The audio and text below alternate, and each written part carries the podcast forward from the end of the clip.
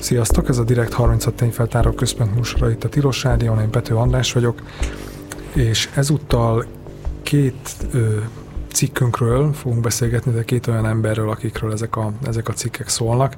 Ezek az emberek között igazából nincsen olyan nagyon közvetlen kapcsolat, de, de annyiban ö, annyi közös mégis van bennük, hogy ö, surprise, surprise, így mindketten így mondjuk a magyar állammal, kormányjal kapcsolatban vannak, és mondjuk profitálnak is ebből a, ebből a kapcsolatból, ennyi spoilert így talán megengedhetünk ugye a műsor elején. Itt van velem a, ezeknek a cikkeknek a két szerzője, Szőke Dániel és Szabó András. Sziasztok! Sziasztok, Sziasztok. üdvözlöm a hallgatókat!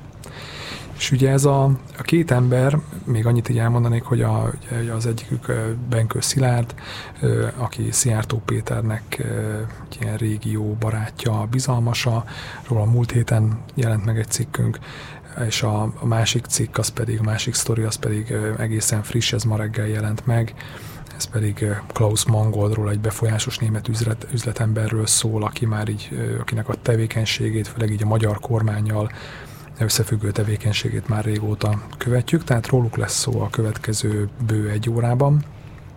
És kezdjük akkor, akkor Benkő Szilárddal. Miért érdekes ez az ember, Dani?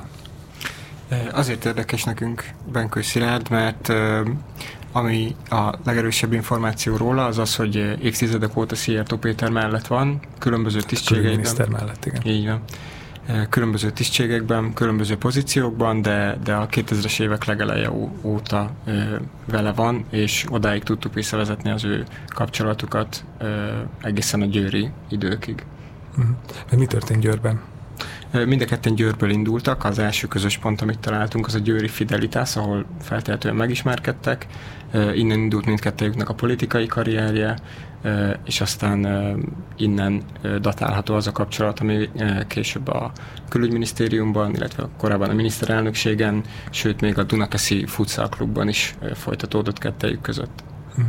Ugye ez a futsalos szál került elő, András, ugye te is most ezt, a, ugye ezt az új cikkünket, ezt, Dani, ugye ezt te, te írtad, te készítetted, de ugye az a mm, szerencsés helyzet, hogy ugye te korábban, András, ugye te foglalkoztál szintén a Benkő Szilárddal, még a, hát nem tudom, a hallgatók mennyire emlékeznek rá, volt ugye egy VS nevű újság, és, és ott írtál cikkeket róla. Mi, miért volt érdekes akkor? Ez ugye ez 2015 körül volt talán? Igen, de azt hiszem ilyen 14 vége, 15 eleje, de mi, mielőtt rákanyarodnék erre, azt mindenképpen szeretném megosztani a hallgatókkal, hogy ben, Benkő Szilárd az nekem na, na, rossz, rossz élményem na. kapcsolódik. Ez pont amikor ez a 14 vége, 15 eleje volt, amikor az egyik cikkem megjelent Benkő Szilárdról reggel, én azon reggel fogorvoshoz mentem, és ilyen, ilyen két foghúzás, meg fogsebészet, meg, meg varrás, meg minden volt, egy borzalmas volt, és úgy jöttem ki az ajtón, és ott, ott, ott vagyok az utca közepén, akkor, akkor izé csorog a külügyminisztérium, tehát jól emlékszem, Mencer Tamás, a külügyminisztériumnak a szóvivője, és akkor én kikelve, hogy, hogy mit képzelek meg ez a cikk, meg pont az autóhasználati szokásairól írtam Ben Köszilárnak, majd később erre is így kitérek, de ugye nagyon fel volt háborodva, és akkor én ilyen bedagadt fejjel ott, ott érveltem a saját igazam mellett erre mai, mai napig emlékszem.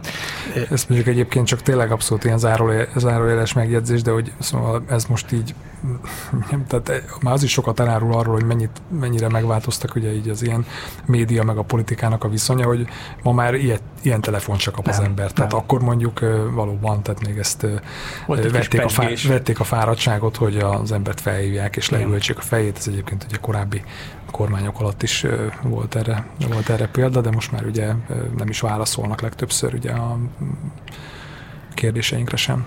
Igen, és akkor vissza, visszakanyarodva erre a 2014 vége, én azért kezdtem Benkő Szilárddal foglalkozni, ugye gyakorlatilag Szijjártó Péter pár hónappal előtte lett külügyminiszter 2014 őszén, és ugye akkoriban még lehetett kormányzati forrásokkal, kormánytisztviselőkkel jobban beszélgetni, találkozni, és nekem több, több kormánytisztviselő is, is ilyen panaszkodva beszél gyakorlatilag Szijjártó Péterről, a ilyen pazarló életmód, a minisztériumban milyen autókat használnak, Szijjártó Péter a futszál csapatából hozza a saját embereit, azzal tölti fel a minisztériumot, és akkor nagyon-nagyon ajánlgattak embereket. Az én figyelmemben, hogy érdemes lenne megnézni, hogy ennek meg ennek az embernek egyáltalán van a végzettsége, hogy, hogy ellátassa a, a feladatát, és az egyik az Benkő Szilárd volt, aki egy ilyen csomó dokumentumba, meg, meg Szijjártó Péter is, amikor róla beszélt, a kabinetfőnökként hivatkozott rá, hogy ő, ő az én kabinetfőnököm, és akkor valójában kiderült, hogy ő nem lehet kabinetfőnök, mert nincs meg a szükséges végzettsége, konkrétan nincs egyetemi végzettsége, ezért kreáltak neki egy posztot, hogy a kabinet koordinációjáért felelős valaki, és hogyha tényleg hivatalosan kabinetfőnökként kellett eljárni, akkor a helyettese írta alá papírokat, megintézte a dolgokat, ez volt az egyik, egyik sztori, amit írtam róla, a másik meg az említett autó használati szokásai, ez meg arról szóltak, hogy ott hallottam azokat a plegykákat, hogy ő egy ilyen óriási Mercedes telepjáróval szokott leparkolni a külügyminisztérium elé, és akkor emiatt én kikértem az egész kormánynak a flotta használatát, és kaptam egy óriási dokumentumot, hogy ki, melyik miniszter, államtitkár milyen autót használ, és ebből az derült ki, hogy hát gyakorlatilag ez egyik legdrágább autót, egy ilyen Mercedes telepjárót Benkő használ szolgálati autóként, mint mondjuk Szijjártó Péter neve mellett egy Skoda Superb volt, és akkor ez volt az onimózus cikk, ami ugye kiváltotta külügyi szóvivő haragját, aki ugye utóla, én azt, azt írtam a cikkben, hogy listáron mennyibe kerül ez az autó, ők, ők meg azt mondták, hogy hát ez nem is volt annyi, mert ez egy használt, tök régi, nem tudom. És azt elmondták, hogy egyébként miért volt szükség egy Mercedes terepjárója? Nem. Terepjáróra? Nem, nem, nem. nem. És akkor tényleg ezeknek a cikkeknek az volt az érdekessége, hogy, hogy egyre több figura volt, aki a Szijjártó Péternek hát a saját futcál, vagy a teremfoci csapatából érkező emberek, protokollfőnöke is onnan érkezett, neki se volt meg a megfelelő végzettsége, és akkor ezzel, ezzel a témával foglalkoztam akkoriban. Uh-huh. Ez egyébként azt hiszem, hogy így valamennyire része volt annak is, hogy a, ugye így eléggé át is alakította ugye a személyzeti állományt ott, meg mondjuk ilyen régi tapasztaltabb külügyeseket, meg úgymond az ilyen atlatista vonalat ugye egy folyamatosan háttérbe szorította, nem? Igen, igen, ekkoriban voltak, hogy rengetegen, rengetegen hagyták ott a, a, a, a külügyet, és akkor ilyen nagy-nagy jövésmenés volt, és viszonylag akkor még könnyű volt információhoz hozzáférni emiatt a uh-huh. külügyel kapcsolatos történésekről. Dani, ugye a, ebben a cikketben annak jártál utána azt tártad fel, hogy, hogy aztán Benkő Szilárd az utóbbi néhány évben hogyan jutott állami, akár konkrétan ugye a külügyminisztériumtól külön közpénzhez és állami, állami segítséghez. Ezeknek a részleteibe belemegyünk majd egy, belemegyünk majd egy kicsit később, de menjünk vissza egészen, egészen a kezdetekig, tehát hogy meséld el, hogy a, ez a Benkő Szilárd hogyan került egyáltalán a politika közelébe. Ugye itt van egy ilyen érdekes motivum, hogy ő amúgy hangszerkészítőnek tanult. Igen. Így van, ő egy nagyon-nagyon más világból jön, mint amilyen a politika világa. Emiatt nagyon sokszor újra ellenőriztük az összes forrásunkat, hogy valóban ugyanarról a Benkő Szilárdról van-e szó, aki később Szijjártó Péter mellett volt. Ő hangszerkészítő, és a 2000-es évek elején, illetve a 90-es évek végén több díjnyertes hegedűt készített, ezekkel az újságban szerepelt, nyilatkozott róluk, és valóban a, a teljes szakmában egy, egy 20, néhány 21-2 éves korára egy elismert szakembernek számított már. Oktatott is egy Győri főiskolán hangszerismeretet, tehát egy teljesen más pályára készült, egyébként már gyerekkorától kezdve, és, és a 2000-es évek legelején volt az a pont, amikor, amikor a politika felé fordult, ugye amit említettünk is egy Győri Fidelitásból, illetve valószínűleg, valószínűleg ott ismerkedett meg a Szijjártó Péterrel, majd később a Győri Fidelitasnak az elnöke is lett, és, és innen kezdett el fölfelé haladni a, a politikai ranglétrán. Borkai Zsoltnak adott később tanácsokat, sőt a... a, a Győr polgármester, a Fideszes Hát volt most már ugye az emlékezetes ügy után. Igen, e, illetve jelen volt a közéletben ezt követően már a Városi Kézilabda csapatnak a e, vezetőségében is jelen volt később, és, és haladt fölfelé Szijjártó Péter árnyékában, mondhatni az összes pozíciójában. Uh-huh. És voltak neki egyébként akkor is ilyen közpénzzel kapcsolatos ügyei? Volt egy 2007-es ügye, amivel támadta akkoriban a, a városnak az ellenzéke. Ugye ő bennült a, a város önkormányzatának az egyik bizottságában, egy gazdasági bizottságban, és ezzel párhuzamosan kötött vele egy tanácsadói szerződést a város. Ez ugye egy ilyen összeférhetetlenségi ügy volt, ez összegben egy körülbelül egy másfél millió forintos összeg volt, de, de hír tudott lenni ebből, a, ebből az összegből is, meg ebből az összeférhetetlenségből akkoriban a, a győri ellenzék eljutotta ezt az ügyet az országos médiáig is. Uh-huh. És akkor ő egyébként reagált erre, vagy, vagy adott valamiféle magyarázatot, nem közszilárd? Vagy nem különösebben, e, igazából az akkori újságcikkek is e, ilyen városvezetési belharcként írták le ezt a történetet. Azt a szerződést felbontották ugyan, e, ennyiben történt reakció, de, de különösebben érdemben nem reagáltak rá a felek, hogy ez, ez hogy történhetett meg, hogyan köttethetett meg ez a szerződés. Uh-huh.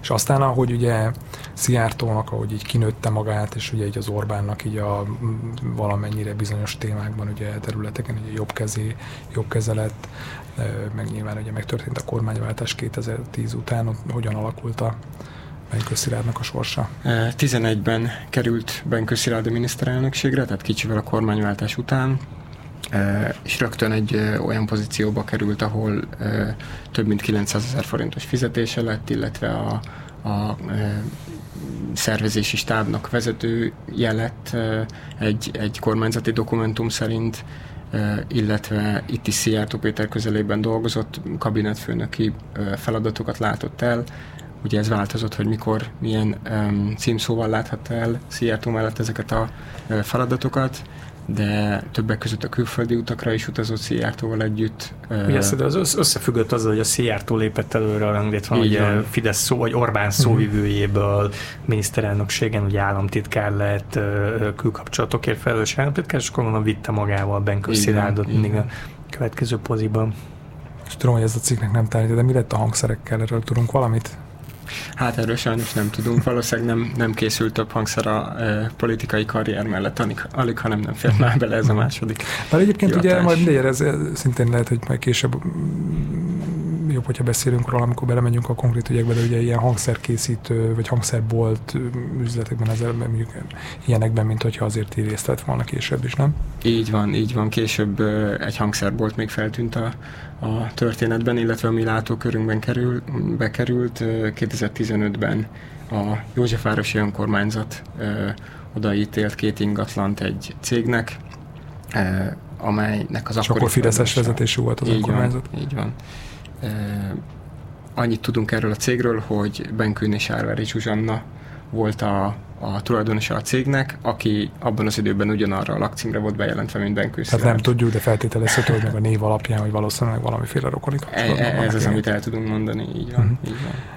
Uh, ugye itt 2015, ugye akkor távozott ő a, a külügyminisztériumból, egy András, te, te kényszerítetted távozásra, hogy itt ezekkel a cikkekkel, vagy mi volt az oka annak, hogy ő ott hagyta azt a pozíciót, nem is, nem is, nem is, Mercedes terepjárót. Nem is emlékszem erre, a, erre, erre az időszakra, ugye most ugye a cikkeimet feltúrtam a Wayback Machine-ből, mert ugye VS, VS anyagai már ugye nem, érhetek, nem érhetőek el, de erre az időszakra már nem emlékszem, hogy ő végül miért, miért, miért távozott, de akkor ugye nagyon sok újság erre a történetre rákapcsolódott, és akkor ezt az egész Szijjártó Péter futszal csapat hogyan jelent meg a kormányzati adminisztrációban, hogyan jelentek meg a focitársak a, a külügyben, rengeteg cikk született akkor, tehát 444-től, Indextől, stb. mindenki foglalkozott ezzel a témával, de pontosan mi történt, arra már nem emlékszem.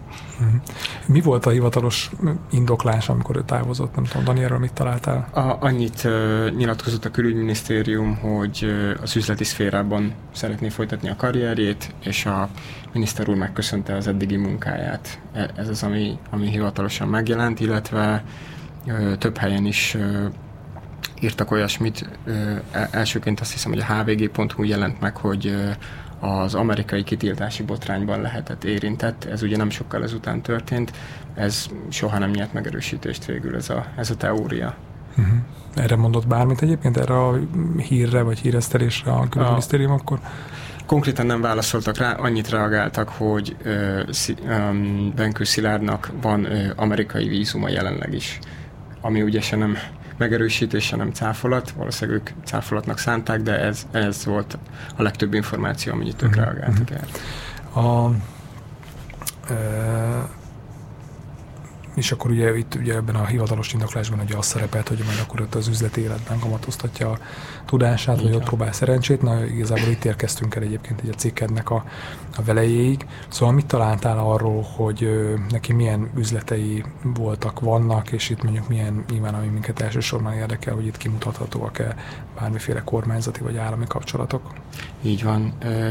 2015 után elég sok cégben szerzett érdekeltséget, a, a legkülönbözőbb cégekben, informatikával foglalkozó cégben, vendéglátással kapcsolatos cégben, de ami leginkább hangsúlyos volt 2018-tól kezdve, az az építőipar.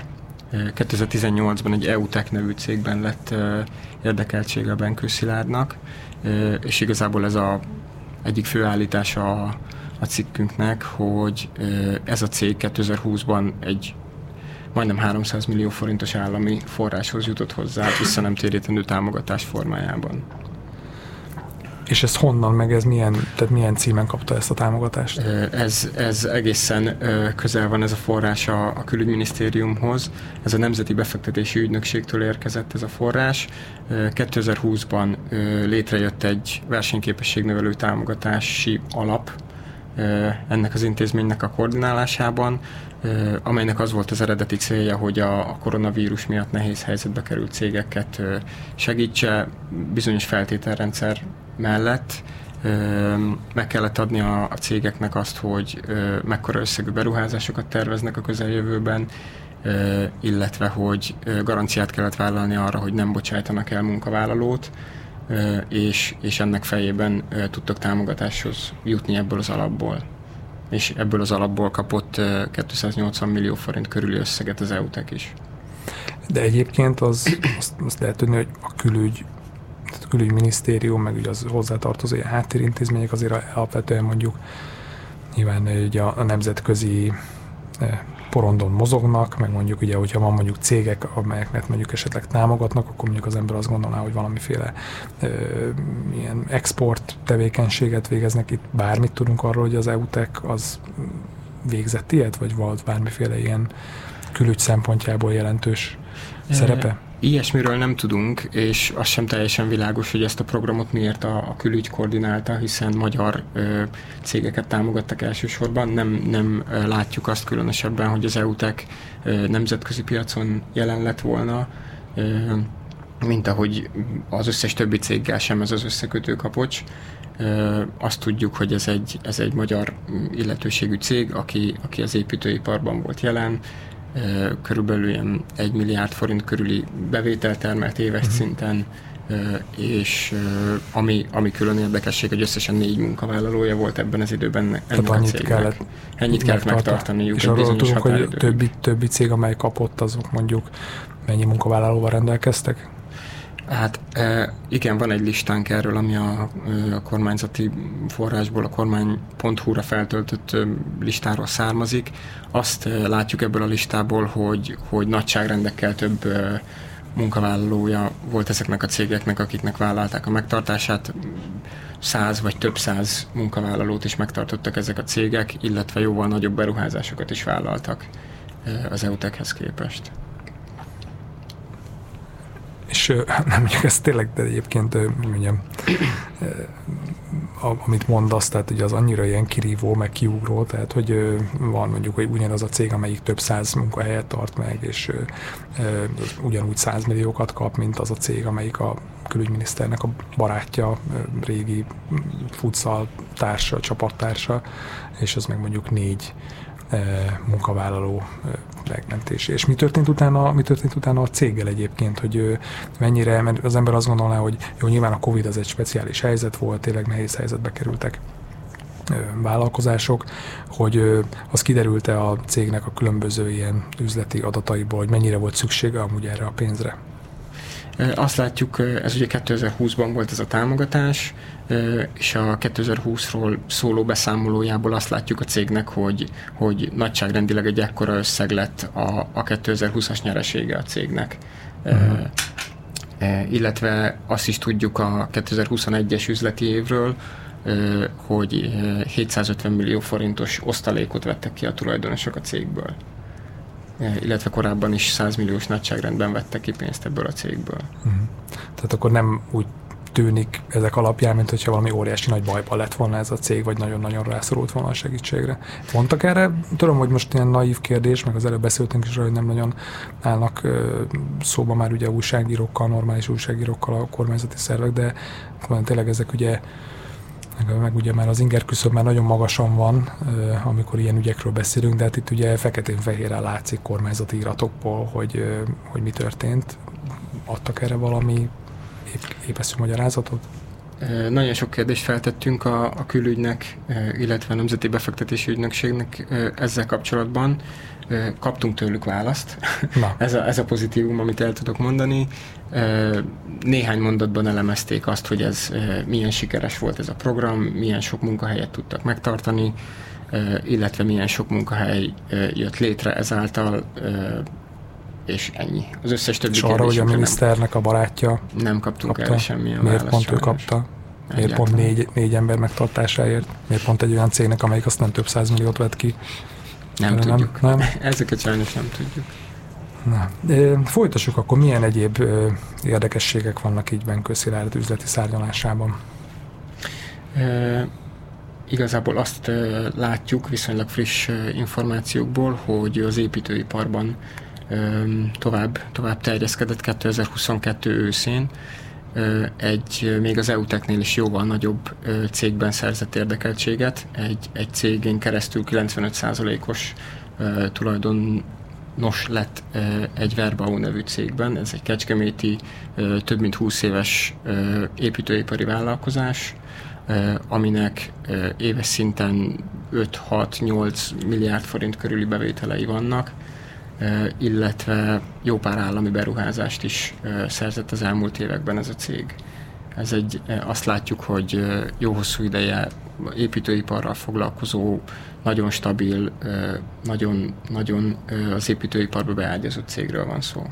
És arra, arra mit találtál, hogy vajon, ugye, ugye van egy cég, amelyik stabilan, tehát 20 éve működik, ugye folyamatosan, ugye jól teljesít, ugye több milliárdos, 5-10 milliárdos bevételeket hoz évente, meg nem tudom, mondjuk a nyereségessége az hogy néz ki, de szóval ez egy ilyen stabil cégnek tűnik, ugye nagyobb állami megbízásokkal, hogy, hogy mondjuk mm, hogyan ezek most anélkül, hogy belemennénk abba, hogy pontosan mennyit ér egy ilyen cég, az biztos, hogy sokat, meg milliárdokat ér, hogy mondjuk mennyire lehetett erre pénze Benkő Szilárdnak, abban mit látsz így a, korább, a, a másik, a többi cégét megnézve. Igazából az összes céget, meg az összes cégiratot átnézve sem tudjuk azt, hogy honnan lehetett erre pénze a Benkő Szilárdnak, azzal együtt is, hogy ugye korábban is említettük, hogy, hogy több száz millió forintos osztalékot vett ki a, az EUTEC-ből is ő és a tulajdonos társai, illetve az összes többi cégét is vizsgáltuk, ahol szintén vannak nyereséges cégek, de, de erre egyáltalán nem mhm. találtunk választ. Jó, nyilván Már lehet ugye hitelből is, meg mindent, tehát sok mindent, persze itt nagyon sok a, nagyon sok a, a nyitott kérdés, meg nagyon sok az ismeretlen tényező, csak nyilván felmerül az emberben. Igen, igen, ez felmerül természetesen a cikk írása közben is, és ez az egyik nagy megválaszolatlan kérdés, uh-huh. amit természetesen próbáltunk megtudni a, a Benkő is, de erre sem kaptunk választ tőle. Uh-huh. A, ugye volt még egy, még egy része a, a cikkednek, ami egy ami nem építőipari üzlet, de szintén ott is azért valahogy így felsejlik, inkább ilyen ingatlan bizniszről van szó, de itt is, ott is ugye felsejlenek ilyen kormányközeli emberek, itt miről van szó? Így van, ez a turisztikai iparba vezet ez a szál, Szintén, szintén 2022 őszén szerzett tulajdonrészt a Benkő Szilárd egy BP5 ingatlan nevű cégben, ez a cég korábban a Mellow Mood cégcsoporthoz tartozott, aminek mondhatjuk így, hogy kormányközeli Jordán és Palesztin szállodaiparban nagyon jól ismert üzletemberek a, a tulajdonosai ennek a, ennek a cégcsoportnak, tőlük sikerült megszerezni ezt a céget a Benkő Szilárdnak. Még annyit erről a sztoriról, hogy ugye anélkül, hogy nagyon, ugye itt azért nyilván óvatosan kell fogalmazni meg, de hogy, hogy ugye egyetem miért merült fel bennünk, hogy érdemes megnézni, hogy Benkő Szilárdnak az üzleti tevékenysége ez hogyan zajlott, hogy ugye voltak, információ, voltak olyan információk, tippek, miszerint az ő kapcsolatai Szijjártó Péterrel ugye nem szűnt meg akkor, amikor ugye a külügyminisztériumból távozott, de érdekesség, hogy ott a cikked megjelenése után ott ugye 444 közölt néhány olyan fotót, ami, ami ezt így valamennyire alá is támasztja. Mik voltak ezek? Így van. Ez egy, ez egy elég megfogalmazásban is érdekes kérdés. Ugye a cikkben nem um, írtuk le egyszer sem azt, hogy ők barátok lennének, igyekeztünk ezt, ezt elkerülni. Uh, azt mondom, talán ismerős, talán így fogalmaztunk. Ismerős, üzlettárs, sportárs, igen, igen, ezeket a szavakat használtuk. Um, üzlettársak mondjuk azt mondtam konkrétan nem voltak, nem? Vagy, vagy volt? Um, konkrét... Nem konkrét üzleti munkatársak, munkatársak voltak, így van, így van. Néhány órával a cikk megjelenése után tette közzé a 444 azokat a fotókat, ahol Benkő Szilárd 2020 nyarán látható a Lady MRD luxusjaknak a fedélzetén, és azt az információt is megosztották, hogy ez ugyanakkor történt, amikor Szijjártó Péter is a hajón volt. Ugye ez azért sok szempontból érdekes, és innentől kezdve már egyenjogosabban használhatjuk a barát kifejezést is, ugyanis amikor e, emiatt magyarázkodnia kellett a Szijjártó Péter külügyminiszternek, akkor, akkor ő úgy fogalmazott, hogy ez egy olyan nyaralás volt, ahol a családjával és a barátaival ha. volt jelen a, a hajón, tehát egyel, talán egyel nyugodtabban mondhatjuk mostantól a És felismerhető a egyébként? Tehát így, ugye, tudom, te se találkoztál személyesen Benkő de nyilván nagyon sok fotót meg videót néztél róla, hogy... Igen, nekem ezek a, ezek a fotók és videók segítettek abban, hogy, hogy azt mondhassam, hogy, hogy felismerhető a Benkő mhm. Szilárd. Uh-huh. Meg nyilván megkerestük, meg mondom, mások is megkeresték a Szilárdot, meg őt is, őt magát is, de nem, Igen. jól tudom, akkor erre sem reagált. Dani, nem tudom, van bármi olyan részlet, amiről nem beszéltünk, de érdemes még megosztani ezzel a sztorival, vagy a Benkő Szilárddal kapcsolatban? Hát, ami nekem az egész történetben a legérdekesebb volt az, amiről beszéltünk is, hogy, hogy ö, teljesen más, más pályára készült a Benkő Szilárd, uh-huh. és, és úgy kötött ki a, a, a politika mellett, illetve nagyon érdekes szerintem ö, megvizsgálni a, a 2015 e, e, erre tettünk ugye egy kísérletet, a 2015-től napjainkig tartó időszakot, hogy vajon hány további ponton keresztezi még a kettőjük karrierje, Szijjártó Péter külügyminiszter karrierje és a Benkő Szilárd karrierje egymást. E, ebbe most némileg beleláthattunk a, a cikk által. Ugye, hogyha nem tudom, mennyire ugye látni a, ugye a külügyminiszternek az ilyen Facebookos, meg ilyen social médiás, mint hogyha most már gyúrna, nem? Tehát most már nem, nem terem focizik, vagy lehet, hogy azt is csinálja, nem tudom. Szóval lehet, hogy valami konditerembe hát, kell utána. Vagy ott van egy jó, egy jó benkön hegedül.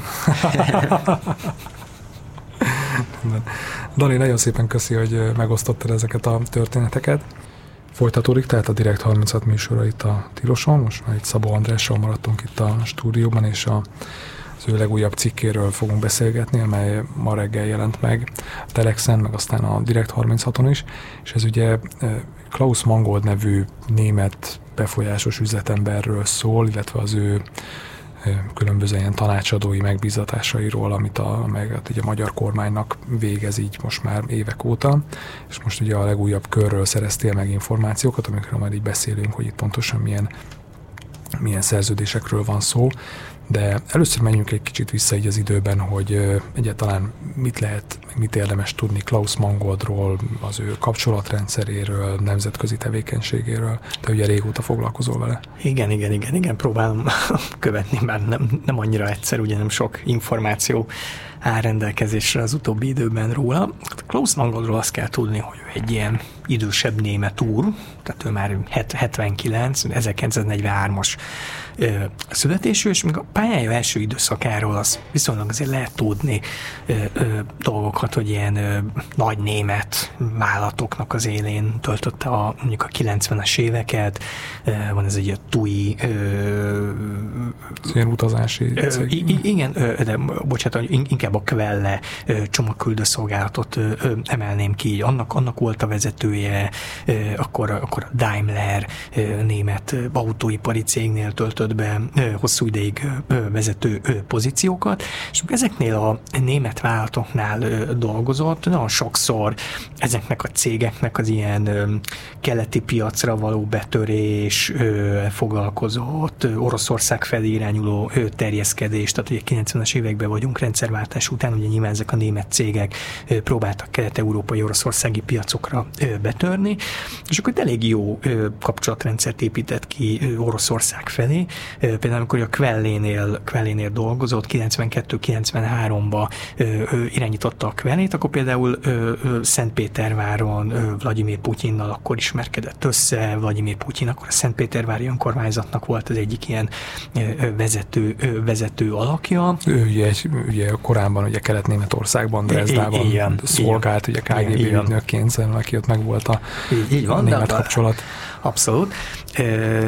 És akkor ilyen tök jó kapcsolatokat elkezdett így, így ennek a céges hátterének köszönhetően kialakítani, és neki a kapcsolatrendszer az, az, az tényleg legendás. Tehát én beszéltem olyan magyar kormány tisztviselő, aki mondta, hogy hát neki a networkje az ilyen gyakorlatilag ilyen aranyatér.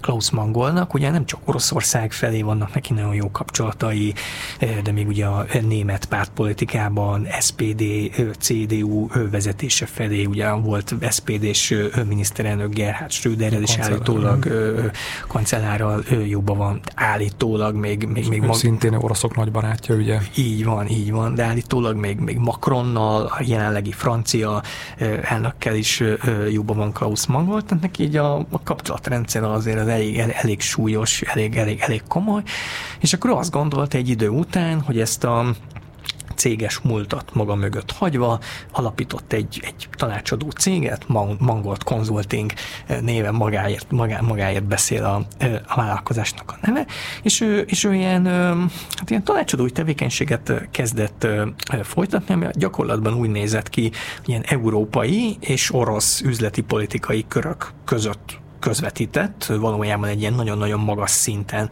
közvetítő figura, és egy időben a krími 2014-es megszállásunk neki az volt az igazi specialitása, hogy ilyen orosz oligarcháknak segített Nyugat-Európában jó befektetésekhez jutni, akár autóiparban, turisztikában, ilyen, ilyen területeken. Mondjuk ezeknek az oligarcháknak bizonyos ajtók, kapuk nem nyíltak meg, azt, azt Klaus Mangold segített azt az ajtót, nem tudom, meg, megolajozni. Tudsz vagy esetleg tudom, neveket, hogy kik, kik voltak azok, akikkel így dolgozott?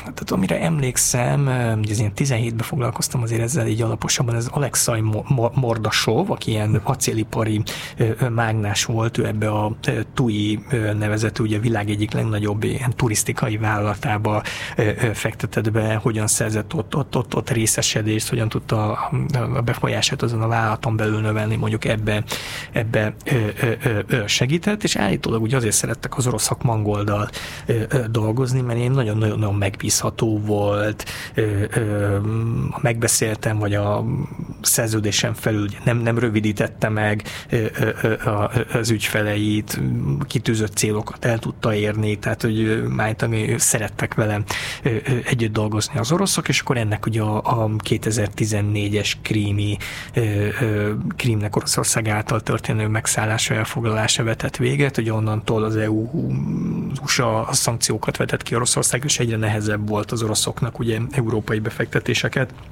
csinálni, és azért az, az, az nem annyira tett jót az üzletnek, de hát jött 2014-ben a paksi bővítés, és ott újra be tudta vetni magát. Uh-huh.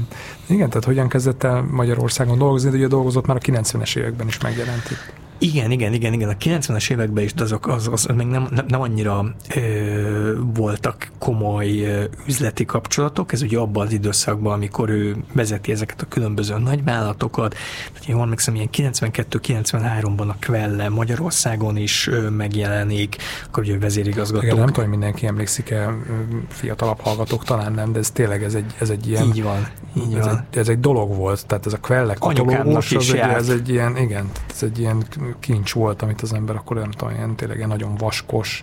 Tehát talán minden volt benne, ruhától kezdve, nem tudom, és akkor azt le lehetett azokat rendelni. Szóval a Kvellét vezetve Klaus Mangold Magyarországon járt, nyilván itt a magyar-magyar terjeszkedés magyar piacok miatt, de ami sokkal érdekesebb volt, amikor már a Daimlernek volt az egyik vezetője, akkor azért tárgyalt az első Orbán kormánynak, ugye ez a 98-2002 közti Orbán kormányról beszélek minisztereivel, ugye ekkor közelgett Magyarországnak a NATO csatlakozása, nekünk voltak ezek a régi MIG vadászgépeink, a MiG-29-eseink, és akkor a NATO csatlakozás miatt NATO kompatibilissé kellett ezeket a gépeket szerelni, és a Daimler nagyon ajánlkozott, tehát hogy ők ezt szívesen, szívesen megcsinálnak, és akkor emiatt több miniszter, többek között Csikán Attila, akkori gazdasági miniszter is ilyen egyezményt, dokumentumot aláírt Mangoldal emiatt, és akkor végül ugye nem ez a döntés született, nem is amerikai gépeket vettünk, hanem ugye jöttek a mhm. svéd, svéd grippenek. Aztán emiatt a tárgyalások miatt, ugye a magyar kormánynak a különböző tárgyalások miatt ezeket a migeket hogyan lehetne felújítani, ilyen, ilyen korrupciós botrány is lett ebből a 2000-es évek elején, így a, az MSP, az akkori nagy ellenzéki párt, illetve a Fidesz kölcsönösen vádolták egymást ilyen korrupciós ügyekkel, hogy ki hogyan akart pénzt, pénzt lenyúlni a migek felújításából, de ezekben a politikai vitákban itt mongolnak a neve konkrétan nem jött elő elő. Uh-huh. Tehát ezek voltak a 90-es évek vége, 2000-es évek eleje. És, és hogyan jelent meg újra így a magyar kormány, és akkor már egy konkrétan ugye a, a, a, a második Orbán kormány körül. Igen, igen, ez a 2010, 2010 utáni időszakban vagyunk, és akkor ugye még egy Lázár János, akkor egy ilyen nagy, nagy ember volt, ugye miniszterelnökséget. Most újra megint ugye egyre hát, nagyobb, ugye már nyilván más szerepben tért igen. vissza, de, de igen, volt ugye ez az időszak. Igen, de akkor azért látványosabb volt. Igen, igen, mindent ő, mindent ő csinált. Szuper miniszterként, igen. És ebben az időszakban vagyunk, akkor még azt hiszem Lázár János jelenít csak ugye államtitkári rangba vezeti a, a miniszterelnökséget, és ennek a pozíciójának köszönhetően, illetőleg ő egy időben ugye a Hódmezővásárhelyen polgármester is volt, tehát ennek köszönhetően ugye a ilyen német üzleti, politikai szféra felé elkezdett kapcsolatokat képíteni. Hódmezővásárhelyen például a helyi porcelángyárat német befektetők vették meg. Lehet, hogy András előtt te tudnál többet mesélni, de például a Deutsche Telekom és a magyar kormány közötti tárgyalás hát, során. Én nem láttam bele, de te is ott voltál az Origónál, amikor amikor ugye történtek azok a e, sajnálatos események. Így van, de hogy a, csak azért említettem azt, hogy ugye Lázár János tárgyalt a Dolce Telekommal, és tehát egy csomó német Csak cég. hogy ne legyen ilyen nagyon kriptikus, de nem fogunk ebbe most belemenni, mert milliószor már kiveséztük különböző fórumokon, de ugye az Origónál dolgoztunk mind a ketten az Andrással, és ugye akkor távoztunk 2014-ben, amikor ott ugye nyomás alá került a szerkesztőség, és akkor még ugye Telekom tulajdonában volt, Igen. és akkor akkoriban megjelentek olyan sajtóírek, meg találgatások, hogy ott volt valamiféle ilyen deal, vagy valamiféle ö, tehát, hogy itt a kormány és a Telekom, Deutsche Telekom közötti ügynek ez valamiféle része lehetett, de és akkor most ezt bezárjuk itt, ezt a zárójelet. Szóval csak ezzel oda akartam kiukadni, hogy Lázár Jánosnak voltak különböző német gazdasági kapcsolatai, és ezeken keresztül került kapcsolatba Klaus Mangoldal, aki ugye egy német úr, és a német gazdasági elitnek a csúcsán mozog, és hát ezek a német csúcsfigurák is szeretnek vadászgatni, és állítólag Lázár János egy, egy, egy vadászaton együtt, együtt, együtt volt Klaus Mangoldal, és itt, itt ismerkedtek össze, és ezt követően maga Lázár János mutatta be Orbán Viktornak Klaus Mangoldot, ez amikor 2012 végén, 2012 decemberében volt, és erről a magyar kormány érdekes módon, szokatlan módon még egy olyan közleménybe beszámolt, ahol még egy, még egy fotót is csatoltak, egy ilyen nagy étkező ebédasztal körül, nem, nem akkora, mint a mostani Vladimir Putyinos tárgyalóasztal, azért annál egy szerényebb, kisebb asztal, de egy nagyobb asztal körül, ott ül Orbán Viktor, ott van Lázár János, ott van Matolcsi György, ugye akkor még ugye a kormánynak a tagja volt gazdasági miniszterként, és ott ül Klaus Mangold, és akkor ott, ott, ott, ott beszélgetnek egymással, még azt is közzétették, hogy magyar-német, magyar-orosz gazdasági kapcsolatokat tárgyalták ki, és ezt követően a találkozó után, ilyen 2013-tól ő ilyen tanácsadóként dolgozik a magyar kormánynak, és viszonylag erről az időszakról tényleg keveset lehet tudni, de bizonyos időközönként szerződéseket köt a magyar kormány Klaus Mangoldal. Miért, és, le, miért lehet ezekről keveset tudni? Hát ő eléggé szeret a háttérben, háttérben mozogni, tehát például ez a 2013 utáni időszakban én úgy tudom, hogy leginkább ilyen magyar-orosz kapcsolatokban segítette a magyar kormánynak a tevékenységét. Ugye ez az az időszak, amikor a magyar kormány elkezd közeledni Oroszország felé, egy, egyre szorosabbá válnak a kapcsolatok, közös üzletek megjelennek, többek között ugye ilyen volt a paksi bővítés is és, és Klaus Mangold itt, itt, itt, itt segítette a magyar kormányt. Nekem egy kormányzati forrás azt, azt mondta, hogy amikor ezek az orosz ügyek előkerültek, akkor megkeresik, megkeresték Mangoldot, ilyen ügyekbe kérték a, kérték a tanácsait, de ilyen hivatalos tárgyalóasztaloknál ő, ő nem jelent meg, hanem hogy ez a kormányzati forrás nekem fogalmazott ilyen szürke eminenciásként háttérből segítette a magyar kormányt, és az egyik ilyen nagy projekt az konkrétan a Paksi bővítés volt. Még, még mielőtt ebbe belemegyünk, a, nyilván ez egy fontos része a, itt a magyar szállnak, magyar történetnek, csak ugye a, tudom, hogy te is többször megkerested már Klaus Mangoldot, ugye a cégen keresztül, ugye nem... Egy időben még telefonon is hívogattam a, a tanácsadó cégét. Mm. De, de ugye nem, nem reagáltak, nem, nem válaszoltak így a, a, a kérdéseidre, de ő egyébként ő, neki azért ő, tehát így Németországban egyrészt van sajtója, tehát azért ő írt írtak róla rendszeresen, ugye van ez a, amit időnként mi is szoktunk használni, hogy ugye ilyen tekintélyes lapok így ilyen Mr. Oroszországként Igen. hivatkoztak rá így az orosz, orosz kapcsolatai miatt. Tehát, hogy mondjuk ugye német sajtót bogarász, vagy milyen kép rajzolódik ki róla, meg ott mondjuk, ha nyilatkozik, akkor így miket szokott mondani. Igen, német sajtóban tényleg, tényleg előfordul, hogy, hogy nyilatkozik, hosszabb interjúkat ad, és egyrészt ez a, ez a ugye, német sajtóban, ez a Mr. Russland, Mr. Oroszország kifejezés ugye azért, azért ragadt rá ezt, hogy gyak, gyakran használják a német sajtóban rá, hogy nem csak egyrészt a, a tanácsadói munkája miatt, hogy ezeknek a orosz milliárdosoknak segített egy időben, hanem amiatt is, hogy Neki az is egy ilyen missionje, politikája, életcélja volt, ezeket a német-orosz kapcsolatokat erősítse.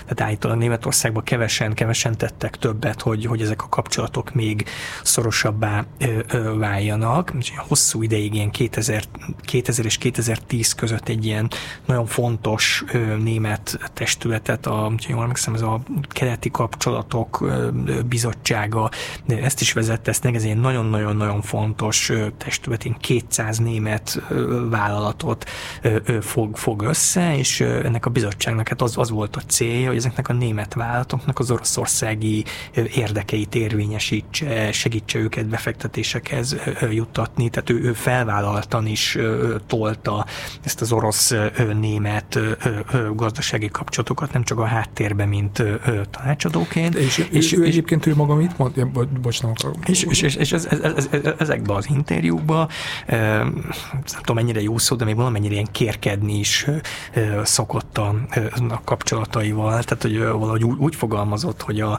az üzleteim alapja, a kapcsolata, kapcsolataim, ez az én know-how-um, tehát ezt ő is elismeri, hogy, hogy egy tanácsadói munka arról, ezt de használja. Arról, de, de arról, hogy ezt hogyan használja, hogy hogyan csinál ebből üzletet, erről mond, mond valamit, hogy egy, egy ilyen, egy ilyen, ilyen, ugye, ilyen angol kifejezésére, vagy ilyen ilyen power brokernek tűnik, tehát aki ilyen tényleg ilyen hatalmi, ilyen, nem tudom, nem, a, a, közvetítők.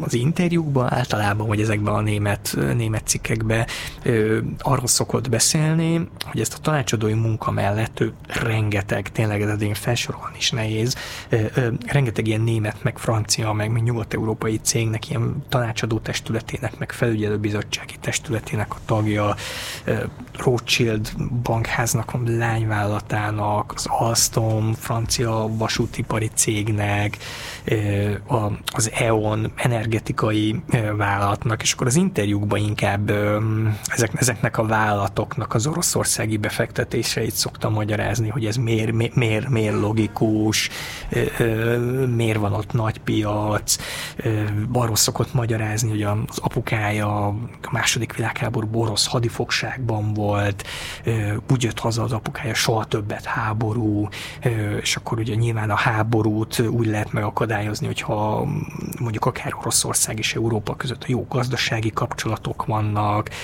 azt azt képviselte, hogy mondjuk Oroszországot úgy lehet javítani, hogy egy ilyen liberálisabb, jobb állam legyen, hogy gazdaságon, Na, kereskedelmen szól, keresztül. Szól ez a háborúhoz, hogy hát Vladimir Putyin barátja megdöbbent, egy meg, másik országot. Meg, megdöbbent hosszan ö, magyarázta, hogy ezt sosem gondolta volna, de érdekes módon még ugye Krím, Krím után is azt gondolta, hogy Oroszországgal lehet továbbra is üzletelni, és, és ö, utólag most egy ilyen bűnbánó, hogy hát gondolhatta volna akkor, és az ő hibája is, hogy nem, nem vonta le akkor a konzekvenciákat, de hát, hogy ő egy ilyen nem tudom, hogy egy ilyen ruhaszaggató, vagy egy ilyen, nem tudom, most egy ilyen új, új, új tördelő pozíciót vett föl, hogy ezt soha nem gondoltam volna, ő azt hitte, hogy, hogy ismeri Vladimir Putyint, akivel így 2019-ben is készült róluk egy fotó, hogy a, az orosz elnöknek de ott, ott egy ilyen, ilyen rezidenciáján ott, ott egymással mosolyogva beszélnek, mert még tavaly is találkoztak valamilyen orosz, orosz konferencián, hogy azt gondolt, hogy Vladimir Putyint ismeri, mennyire csalódott, úgy fogalmazott valahogy, hogy az elmúlt 40 évének a munkája az gyakorlatilag ilyen garbage, tehát egy ilyen szemét ment, ment, ment a kukába, támogatja a szankciókat az olajra, a szénre, energetikára, támogatja a fegyverszállításokat, tehát ő úgy, úgy tűnt, hogy ő most egy ilyen teljes mm, páli fordulatot hajt, hajt, hajt végre, és ugyanazokat a nézeteket képviselni, mint mondjuk Nyugat-Európában a, mhm. liberális elit. Uh-huh. Érdekes, mondjuk nyilván a, nem tudom, nem mondjuk a, nem a, Gerhard, nem, Gerhard Schröderrel szemben, aki, aki meg ugye úgy, úgy tudom, hogy követtem a híreket, ő igen, nem, ő nem igazán nem hajtott végre egy ilyen, a fejére, igen. igen, igen, de mondjuk igen, mondom, nem a, csak azt akartam mondani, hogy nyilván most ugye a Mangoldról beszélünk, meg ő van ugye a középpontban, de ez a, ez a hozzáállás, ez, ez ugye jellemző volt lényegében a, a teljes német elitre, tehát itt akár szocdemekről, akár Igen. kereszténydemokratákról beszélünk, tehát ugye a Angela Merkel, Merkel is ugye lényegében ugye ezt a politikát, politikát folytatta. Folytassuk Andrásot, hogy a, hogy a Klaus Mangoldnak a ugye amikor 2010 10 után ugye újra kapcsolatba került a, meg igazából komolyabb kapcsolatba került így a, a magyar kormányal, ekkor már az Orbán kormányal, hogy, hogy ugye azt mondtad, hogy az az első igazán nagy projektje az a, az a paksi, a paksi bővítés volt. Itt mi volt konkrétan a feladata, meg miben számíthattak rá az Orbánék? Tudja, hogy mondtam, hogy nagyon szerető ugye háttérben, háttérben mozogni, és ugye ahogy beszéltem ugye a források, hogy apró mozaikokat ö, ö, sikerült ö, összerakni, tehát a tevékenységéről azért nehéz pontos képet kapni, ö, de néhány ilyen, ilyen pontnál ö, tetten érhető volt a, az ő keze, tehát most csak egy ilyen pár pontot így, így felvillantva. Ö, az egyik, hogy volt egy ilyen nagyon-nagyon fontos találkozó, ami, ami meghatározta Paks 2 sorsát. Ez 2013. augusztusában Budapesten volt. Orbán Viktor akkor fogadta a Rosszatomnak az akkori vezetőjét, ugye a Rosszatom a nagy, nagy orosz atomenergiai ö, ö, vállalat, Szergej Kirilyenkónak hívták akkor a vezetőjét, és Budapesten találkozott az a két ember, és gyakorlatilag ennek a beszélgetésnek az volt az eredménye, hogy hát ezzel dölt el, hogy a magyar kormány mindenféle nemzetközi pályázat, ennek a beszélgetésnek az volt az eredménye, hogy hát ezzel dölt el, hogy a magyar kormány mindenféle nemzetközi pályázat, tender, minden kiírása nélkül az oroszoknak, az orosz rosszatomnak adja a Paks 2 megépítését, és ennek a találkozónak nem csak az volt az érdekessége, hogy ez teljesen titokban zajlott, tehát ugye erről nem adtak ki közlemény, nem volt utána sajtótájékoztató, stb. De az is érdekes volt ez a találkozó, hogy nekem, nekem kormányzati források azt mondták, hogy ennek a, ennek a megszervezésében, előkészítésében, az egyik kormányzati forrástán úgy is fogalmazott, hogy Klaus Mangold ültette le szinte ezt a két embert, hogy beszéljenek egymással, tehát ez volt az egyik, egyik érdekes pont, ahol Klaus Mangoldnak a szerepe tetten érhető. Aztán mivel ugye nem volt tender, ezért ennek következtében többek között emiatt is az Európai Bizottság indított egy csomó eljárást a paksi bővítés miatt, az egyik pont ugye a tender elmaradása miatt, és akkor itt olyan a kormányzati források mondták nekem, hogy hát hogy az Európai Bizottság ne tegyen keresztbe, meg, meg hogy ezeket a, ezek az eljárások magyar, magyar kormány szempontjából pozitívan lezáruljanak. Itt is ugyancsak Klaus Mangold szerepe volt tetten érhető, többek között Klaus Mangold hát nagyon jóban van, vagy jobban volt, akkor az Európai Bizottság legbefolyásosabb német tagjával, Günther Oettingerrel, és ez a kapcsolat ez akkor derült ki, az egy ilyen szórakoztató történet volt 2016-ban, hogy Günther Oettingen akkor még a bizottság tagja, de már nem energetikai ügyekkel foglalkozott, de mivel korábban ő energetikai biztos volt, ezért hát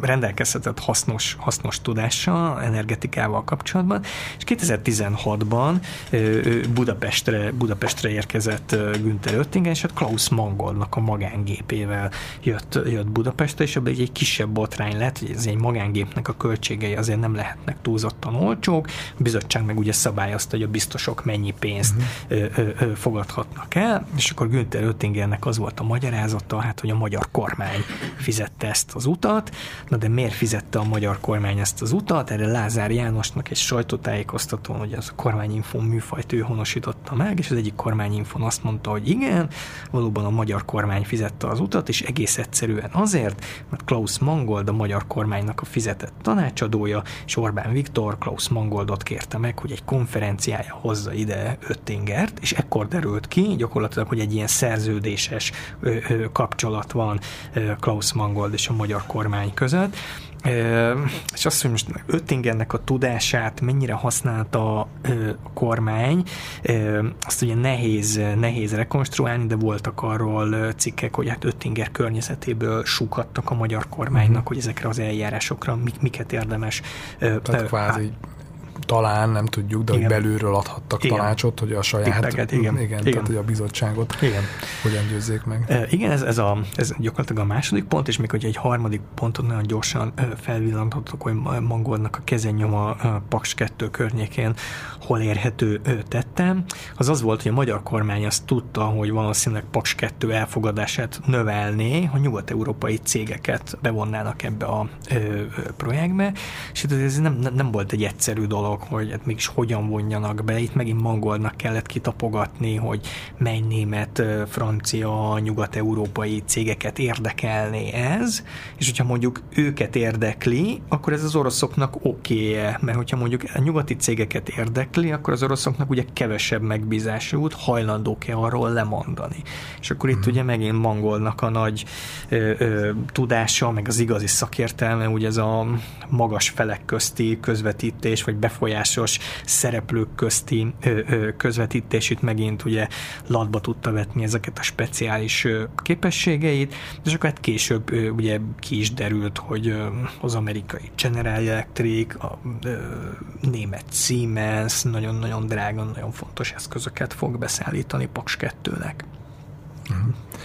És ö, ö, nem tudom, hogy hogyan folytatódott ez a, ez a kapcsolat. Tehát nyilván a Paks 2 az ugye, azt, te ezt aztán főleg tudod, mert ugye nagyon részletesen foglalkozol vele, meg Ami, így követed, de hogy úgy tűnik, hogy aztán ott ez a, ez a kapcsolat így ki szélesedett, tehát hogy aztán más témákban is dolgozott így a kormánynak. Igen, ugye, tehát ezeket, amiket most beszéltem az előbb, ezeket különböző forrásoktól, tudom, kormányzati forrásoktól, de hogy ennek mi az írott változata, erről a például a Paksi történetről nehezet lehet, keveset lehet tudni, mert azt lehet tudni, hogy 13 és 2016 között Lázár János vezette miniszterelnökség szerződött Klaus Mangolddal, Mangolddal feltehetően a paksi munkákkal kapcsolatban, de ezek a szerződések államtitkok, ezeket nem adták ki.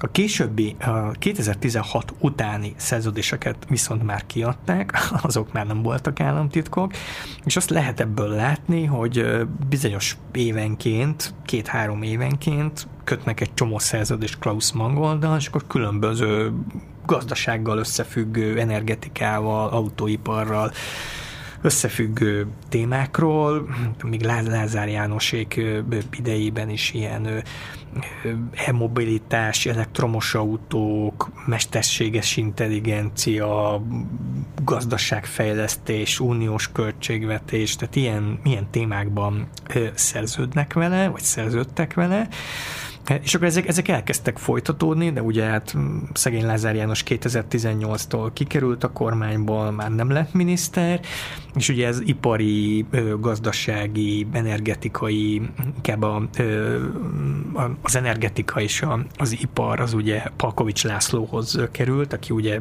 2018-tól ugye egy új üstökösként feltűnt, és ő is ilyen kis gömböcként szívta magába a különböző területeket, és akkor a minisztérium egyre jobban dagadt, és akkor ott, ott bukkant fel Palkovics László körül Klaus Mangold, és akkor ezek, ezekre úgy lehet rábukkanni, hogy mindig a kormány bizonyos időközönként kitesz egy ilyen szerződés listát, hogy egyes minisztériumok kikkel szerződnek, milyen munkára, mekkora értékben, és akkor ott megint, megint felbukkant Klaus Mangold neve a Palkovics féle minisztériumnál, és én 2020-ban megint kikértem Klaus Mangold szerződéseit, mivel ezekben a szerződés listákban láttam, hogy szerződött vele a minisztérium, és akkor az derült ki, hogy 2018 és 2020 között a Palkovics féle, azt hiszem Innovációs és Technológiai Minisztériumnak hívták, akkor már 7, 7 darab szerződést is kötött erre a két éves időszakra, és megint, megint ugyanez a ö, ö, ö, mindenféle különböző gazdasági téma, de ami érdekes volt, ami nekem így felkeltette az érdeklődésemet, hogy már rengeteg olyan volt, ami a német iparral, uh-huh. német autóipar, német-magyar gazdasági kapcsolatokkal ö, ö, függött össze. Most ugye nem tudom, jól emlékszem, volt például olyan, hogy a Európai Bizottság elfogadott egy széndiokszid kótás szabályt, akkor ez hogyan fogja érinteni a német autóipari cégek magyarországi befektetéseit a jövőben, ezzel kapcsolatban adjon tanácsot, hogyan lehetne még több német céget Magyarországra mm, hívni, vagy ösztönözni magyarországi befektetéseiket, a német autóipar magyarországi helyzetével, német kutatóintézetekkel uh-huh. való kapcsolattartást, tehát ilyen, ilyen, ilyen témákba szerződtek vele, de aztán, hogy valójában ő mit csinált, meg, meg hogy ez eredményes Ezekből volt. a szerződésekből egyébként kiderül bármi arról, hogy itt, itt ez a tanácsadás, ez ez mit akar? Ö, nem, tehát ezek nagyon, nagyon érdekes. A Klaus Mangoldá készült szerződések szinte egy, egy, egy kaptafára készülnek, tehát mintha mindegyik szerződést egy, ugyanazt tartalmazna egy, egy-két oldal kivételével, ez le van írva egy mondatban, hogy most nem tudom, a német autóipar magyarországi helyzetével, és akkor alatta van egy-két részlet, hogy egy-két mondatban kifejtik, vagy két-három mondatban, hogy ez mit akar. Általában nagyon-nagyon általános, kapcsolattartással, nem tudom, fontosabb szereplőkkel, stratégia kidolgozása, stb. stb.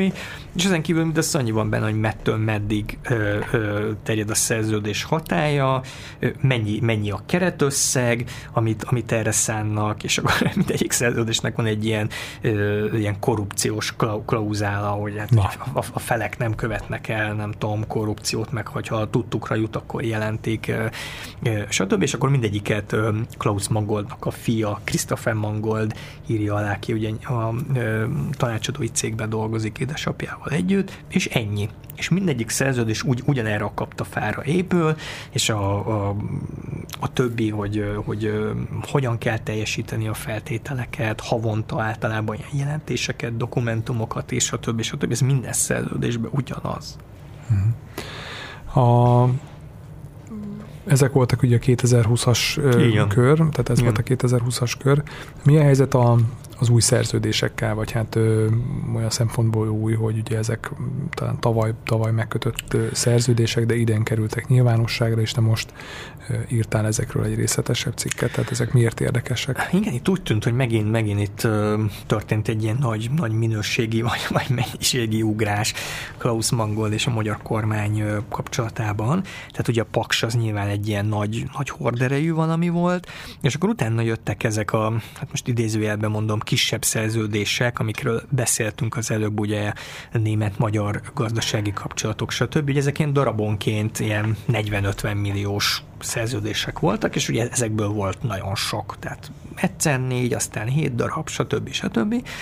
És akkor ami nagyon-nagyon érdekes volt, ugye tavaly nyáron derült ki, hogy a magyar kormány annak érdekében, hogy visszavásárolja a Ferihegyi repteret, és konkrétan nem is a repteret, hanem a repteret üzemeltető céget ismét Klaus Mangoldhoz fordult. Ez idén nyáron derült ki, nem ez idén, tavaly, tavalyi idén, szerződés. De, idén, igen. igen, igen, ez idén, idén nyáron ö, ö, derült ki, hogy kötött vele egy 8,2 milliárdos tanácsadói szerződést, hogy a magyar kormány megkéri Klaus Mangoldot, hogy 8,2 milliárd forint hát keretösszeg érte, értékben hát segít, segítsen a repteret visszavásárolni, amit még a Gyurcsány kormány idején privatizáltak, tehát ez egy a korábbiakhoz képest ez egy jóval nagyobb összegű, a combos ö, szerződés, és ez nyáron ö, kiderült, én ugye küldtem egy közadatkérést a Palkovics azóta már átnevezett minisztériumának, hogy jól emlékszem, akkor technológiai és ipari minisztériumnak hívták tavaly nyáron, hogy adják ki 2020 óta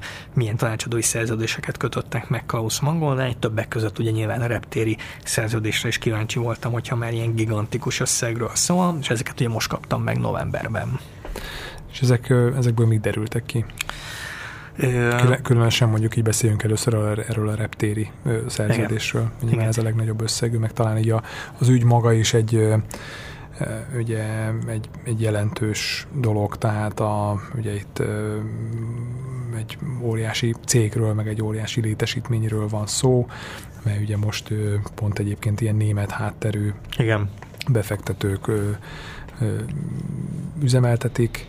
Igen, ez egy gigantikus üzlet, ugye a magyar állam tavaly ősszel, októberben ezt 4, 4 milliárd euróért akarta visszavásárolni, tehát ez nem is tudom, hogy ez forintba átszámolva, de hát ez nagyon sok, mm. de nagyon komoly üzlet. És ezekből a szerződésekből, vagy ebből a repteres szerződésből először beszéljünk arról, ami, ami, ami kiderült, mondjuk, hogy két, két érdekességet kiemelnék.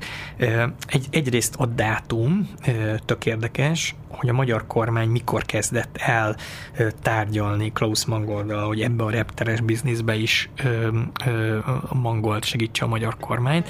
De ebbe a dokumentumban az van, hogy december 13-án küldtek egy ilyen megkeresést a magyar kormánytól.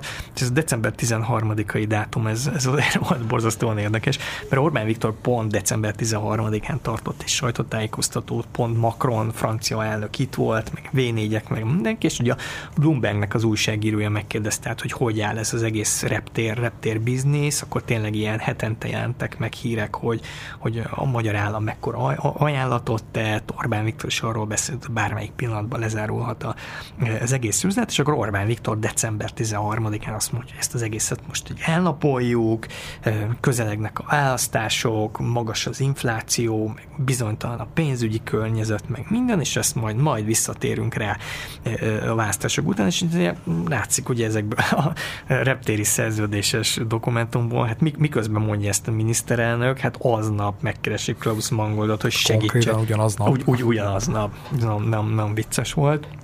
Ez az egyik érdekesség, ami... ami, ami... És aztán mennyivel utána kötötték meg a szerződést?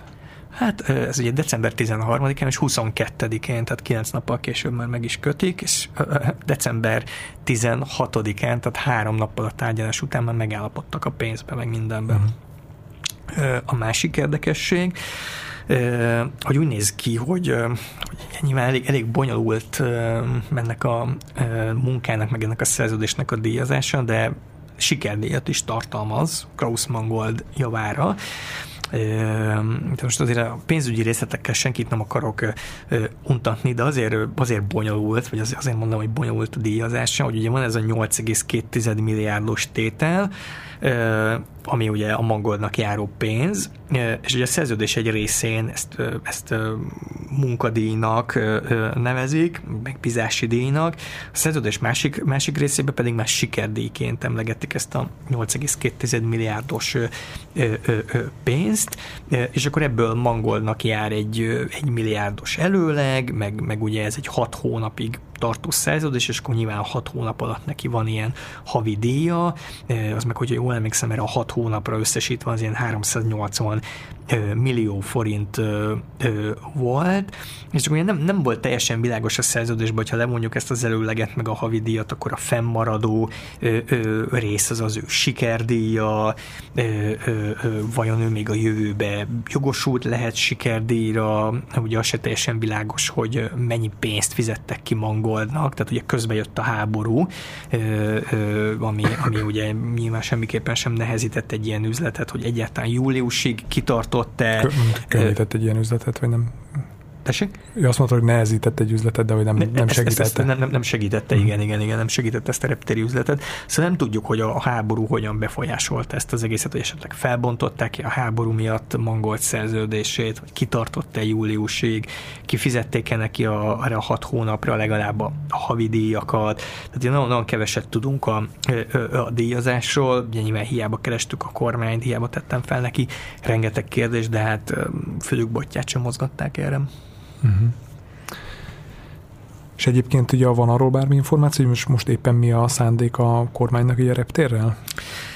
Hát annyit, annyit, annyit tudunk, hogy amikor ugye bejelentette Orbán Viktor december 13-án, hogy most, most, most ez az egész így, így elnapoljuk, hogy néhány, néhány héttel később, amikor januárban az egyik ilyen kormánypárti labban megjelent egy cikk, amiben ma- magyarázták ezt a miniszterelnöki mondatot, és akkor arra, arra jutott ez a kormánypárti újság, hát, hogy a választások miatt nem akarták kampány, kampánytémává tenni, de aztán ennek, ennek a tervnek aztán tényleg keresztbe tett a, keresztbe tett a háború, mert Palkovics Lászlónak, a, miután ugye kiderült a, a tavaly nyáron ez a mangoldal kötött gigantikus szerződés, akkor volt egy olyan mondata, hogy ez az egész keretösszeg nem lesz kifizetve a mangoldnak, mert hát ugye a háború miatt ugye a kormánynak hát nincs elég pénze, se a reptér megvásárlására, se mangoldnak a kifizetésére, és még talán valamikor a HVG-nek, amikor nyáron,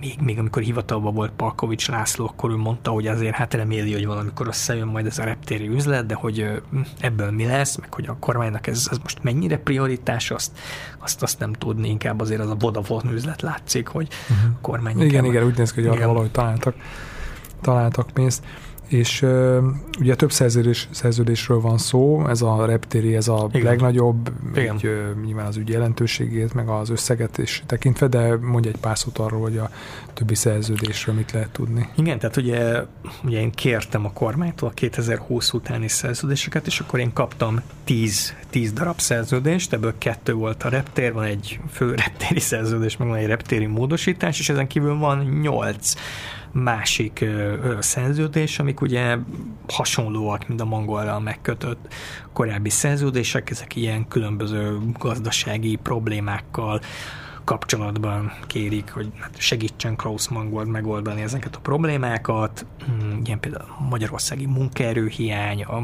Magyarországon lévő külföldi autóipari cégeket sújtó munkaerőhiány, mit lehet kezdeni, van egy például egy szerződés, hogy a Covid, a koronavírus gazdasági hatásaival mit lehet kezdeni, van megint egy ugyanolyan szerződés, mint a korábbi, hogy ilyen német, német cégeket próbálnak ide csábítani, beruházás ösztönzésre rávenni őket, meg, megint előjön a mesterséges intelligencia, meg, megint előjönnek az elektromos autók, növelni kell az elektromos autók piacát, tehát ilyen random, hát nem, nem random, nyilván ez, ez túlzás, de egy egymástól nagyon, nagyon ö, témában távol álló ö, kérdésekben kéri Klaus Magolnak a tanácsait, és ezek megint ilyen darabonként ilyen 50 millió szerződések mhm. egyenként. Mondjuk ahogy ugye elmondtad itt, a, még amikor korábban beszéltünk arról, hogy ő neki mégis milyen felrajzoltad valamennyire így a, a profilját, hogy tényleg, tehát Quelle magazintól kezdve utazási ilyen ügynökségen keresztül sok mindennel foglalkozott, igen, szóval igen, igen, azt, nem, azt nem lehet mondani, hogy mondjuk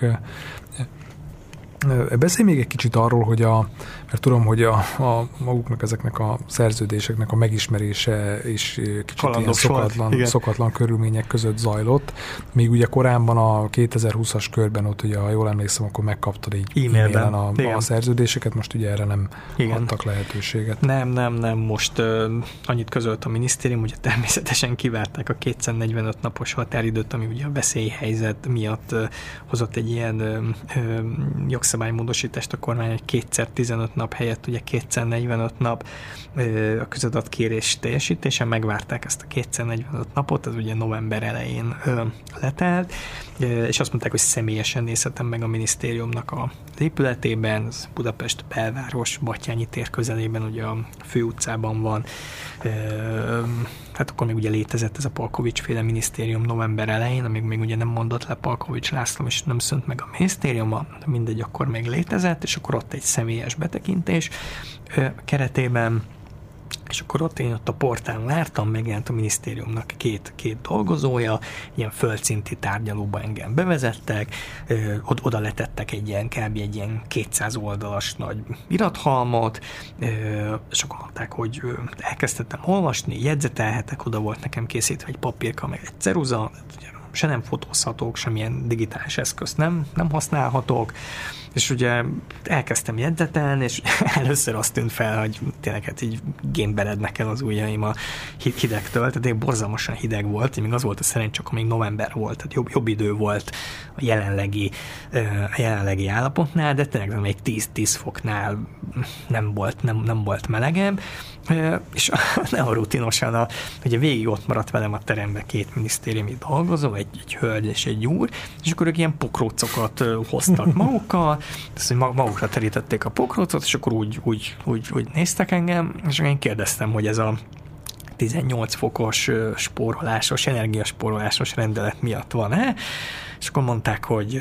igen, az egész minisztériumban nincs, nincs 10 foknál melegebb, de hát mondták, 18 hogy foknál, 18 foknál nincs melegebb, de hát mondták, hogy itt a teremben kétségtelenül hidegebb van, itt jóval, jóval 18 fok alatt vagyunk, hát mondtam, hogy igen, és akkor én ott, ott, ott jegyzetelgettem, és 45 perc múlva mondták, hogy hát kell ez a terem más célra, hagyjam abba, hát mondtam, hogy még hát messze vagyok ettől, és akkor megállapodtunk egy új időpontba, egy hét múlva voltak, hogy még hidegebb lett, szakadt az eső emiatt abba a terembe, tárgyalóba is sokkal hidegebb lett, ott gyakorlatilag én ott kabátba jegyzeteltem, ott már nem tudom, dupla takaróba, vagy nem tudom, mi, mibe voltak az emberek velem szembe, és az, az, az volt az egésznek a, a probléma, hogy ott ugye nem, nem, volt nekem időm ott értelmezni, meg eurót forintra átszámolni, meg ott ugye volt egy szerződésmódosítás, az, az abban gyakorlatilag olyanok voltak, hogy e, ennek a pont helyébe ez, ez, ez, a, ez a pont lép, ott ugye össze kellett volna vetni a másik dokumentumot,